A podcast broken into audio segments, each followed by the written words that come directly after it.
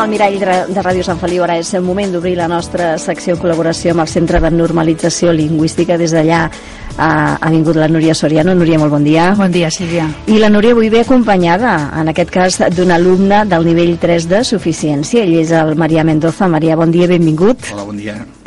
Uh, bé, Núria, eh, el motiu pel qual avui portes un convidat és per parlar doncs, d'una activitat que feu també en els cursos de, de català, que és la lectura d'un llibre, no? Sí, sí, sí, cada any proposem a l'alumnat la lectura d'un llibre.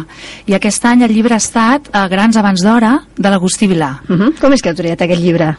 Bona pregunta. No sé si pel fet de ser Sant Feliuenc això ja dona punts. Sí? sí, això dona punts.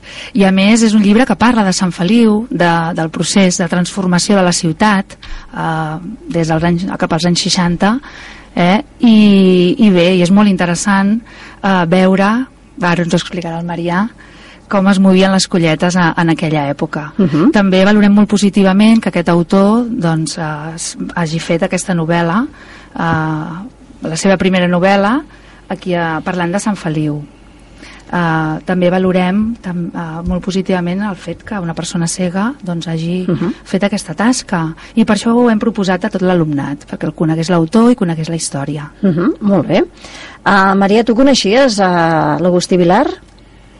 De vista de tota la vida de tota la vida perquè una persona de Sant Feliu i, uh -huh. i no he parlat mai amb ell però sí que el coneixo de, de vista Molt bé, però havies llegit eh, coses escrites per ell? D'ell no, és el uh -huh. primer llibre que, que he llegit Uh -huh. Molt bé, i què t'ha semblat el llibre? Molt bé, molt bé. És un, una història doncs, que es, es traslada a l'any 1960, 1960, uh -huh. en el qual explica el que en aquell temps es vivia, com eren les colles, com eren, com eren eh, els veïns, i com eren els barris, i, i això a mi em va fer recordar doncs, eh, la meva infància també. Clar. aleshores em va portar doncs, en aquell temps. Uh -huh, molt bé, el Marià ens ha preparat una mica de resum eh, del que li ha semblat el llibre, si et sembla. T'escoltem? Molt bé. Abans de començar a llegir el llibre tenia força curiositat per conèixer-ne el contingut i no m'ha decebut, tot el contrari. La novel·la narra les vivències d'un nen en Llufes Picafort i la seva colla ara fa 50 anys vivències en forma d'aventures que porten el lector de Sant Feliu a aquella època. Els jocs, les sortides amb les bicis, les excursions al riu, les baralles entre els barris Roses, Can Calders, Vinya del Puntaire, entre els de casa i els escuramoniatos. L'estada a la verga de les, del mamut és plena d'anècdotes, alguna força cruel. En Jufes no és gaire valent ni decidit, però mostra una estima especial per a un nen també especial, que s'aixuga els mocs amb les mans, en Víctor. L'Agustí descriu els barris com eren abans, també les persones, veïns, amics, i utilitza paraules, mots d'aquell temps i que ara s'han perdut del nostre vocabulari. En Jufes és amant de la lectura, especialment de les novel·les. Sempre em porta alguna sobre per llegir. L'arribada a l'adolescència, les noies de les franceses, les mercedàries, les festes privades i un del Vall de les Canyes, però a prop del casino. En Jufes es fa gran i els problemes de visió avancen, encara que això no li impedeix estudiar a la universitat. Uh -huh. És delicat amb les noies, no és decidit i utilitza avions de paper plens de missatges fent-nos arribar als balcons amb precisió. La colla és sempre al seu voltant i la relació és bona, encara que el franquisme els ha marcat, com a molts. El barri creix i desapareixen els camps de cireres i neixen noves edificacions, no només a la Font del Comte, el reste de Sant Feliu. La novel·la està escrita en petits capítols fàcils de llegir i penso que enganxa els lectors, principalment els d'aquesta generació, Uh -huh, molt bé, Marià. Ah, quina història de l'obra t'ha agradat més, de totes les que s'expliquen? Hi ha dues que m'ha agradat força, uh -huh. però una és la que parla de, precisament del col·legi. Uh -huh. És una història que està centrada en una classe, en la classe de francès. Sí? Són a classe de francès amb el pare Pierre. Frare Sèmola, coix i amb males pusses, veu com un noi, Miquel, agafa la boina del professor, entra a classe i alça la mà per pagar-lo. En aquell moment, dos companys, en Mateu i en Martí, l'immobilitzen el braç i Xiclet Llesca aprofita per donar-li un cop a la cara amb el seu estoig de fusta. El segon cop no arriba perquè Frare Pierre, que escrivia la pissarra, se n'adona. Xiclet Llesca s'atura, però els companys no deixen el braç de Frare Sèmola. Frare Pierre, amb una autoritat i una humilitat sorprenent, pacta amb els alumnes que deixarien Frare Sèmola si aquests abandona la classe. El coix es torna verd d'ira i surt veient un munt d'estoig de fusta damunt de les taules. Quan és fort se sent un crit. Viva la France! creus, creus que històries com aquestes eh, s'esdevenen avui dia en algun lloc? En pobles petits sí, en pobles com Sant Feliu ara ja no. Ja s'ha perdut, ja no eh? s'ha perdut. Eh, això d'anar al riu en bicicleta o a travessar el riu com van fer ells, uh -huh. passaven a Sant Vicenç, per exemple, doncs amb una corda d'una banda a l'altra. Aquesta història ja no es fan. Els nens no hi van al riu tenen altres distraccions, Mm -hmm. Malauradament. malauradament. En alguns casos. Als pobles petits penso que sí. Encara hi Encara es histò manté. històries d'aquestes, sí. Uh -huh.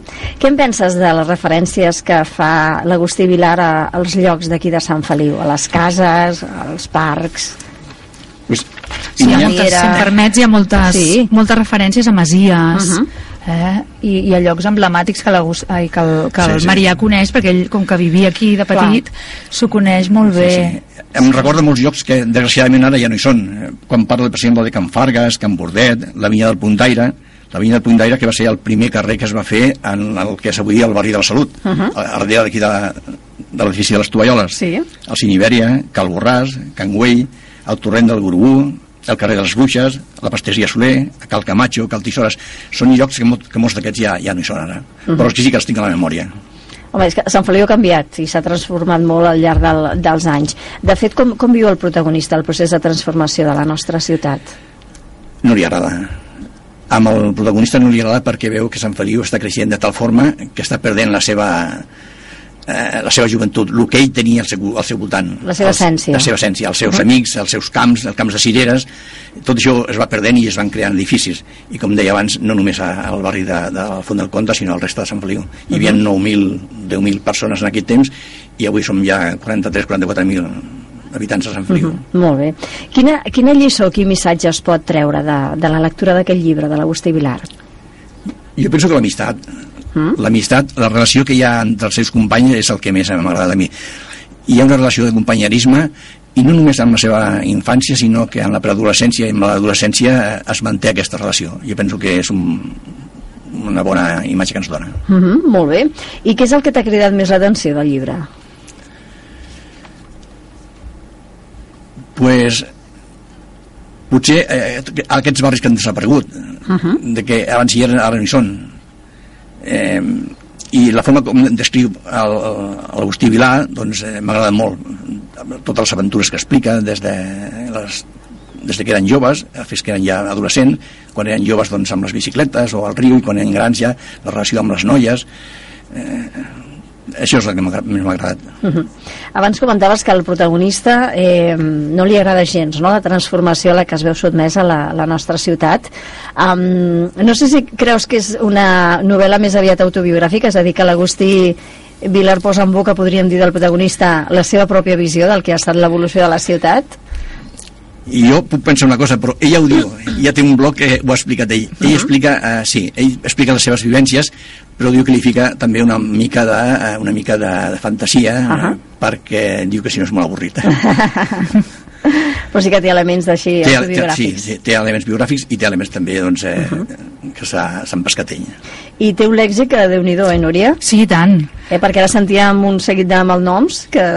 Déu-n'hi-do, déu-n'hi-do. criden l'atenció, eh, el, els noms aquests de, dels personatges. Us en dic uns quants. Som Vinga. Intruites, en Llufes, que és el protagonista, el Xiclet Llesca, l'Oli Cigroner, el Lara Bonic, el Sardina Bufona, el Picaflor, el Pol Buguenyo, i també, eh, bé, no sé si sabeu que nosaltres, els sanfeliuencs, sanfeliuenques, ens, eh, ens diem garces. eh, també surt aquest nom, el de garces. el mandró, els curamoniatos Sí, de l'èxit més concret, això, el mandró, els escuramoniatos, que són la, la, els nouvinguts, Els nouvinguts. no, Marià? Són els nouvinguts. érem nosaltres Les falenes, que són les papallones aquestes nocturnes. les màrfegues Uh -huh. El no saber-ne ni pruna surt molt a la novel·la, vol dir no, no saber res d'una cosa. Uh -huh. Uh, no guipari, perquè ell clar, també explica aquest procés a, a, a, a, a mesura que va creixent quan ja arriba a la universitat que comença a tenir problemes de visió i diu que això que no, que no hi veu i uh, ell utilitza aquest verb eh? no hi guipava el felença Uh -huh. El felenza, que vol dir fer el, el ximple. Eh? Ser un manaia, que és ser un presumit, és qui... mm, Bé, més que presumit, manar, eh? això, manar. Uh -huh. En castellà seria això, un marimandón, eh? ser, ser un manaia. Ser un ganàpia, que és ser una persona eh, adulta, però fa, que fa coses pròpies d'una criatura. Uh -huh.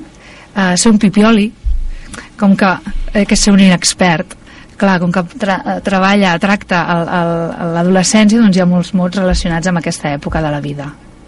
Molt bé, fantàstic. Doncs ja veiem que la lectura és una bona manera d'iniciar-se en qualsevol llengua i en el català, doncs evidentment també, eh? no és cap excepció, és una bona Mm, eina per, tant. per poder conèixer a fons el lèxic i la manera de- d'expressar-se. Doncs eh, Núria Soriano, del Centre de Normalització Lingüística, Maria Mendoza, recordem, alumna del nivell 3 de Suficiència. Moltíssimes gràcies per haver-nos acompanyat i per haver compartit aquesta, aquesta experiència de lectura amb tots nosaltres. Moltes gràcies. Gràcies i bon estiu. Que vagi molt bé, que tingueu Gràcies. un molt bon estiu.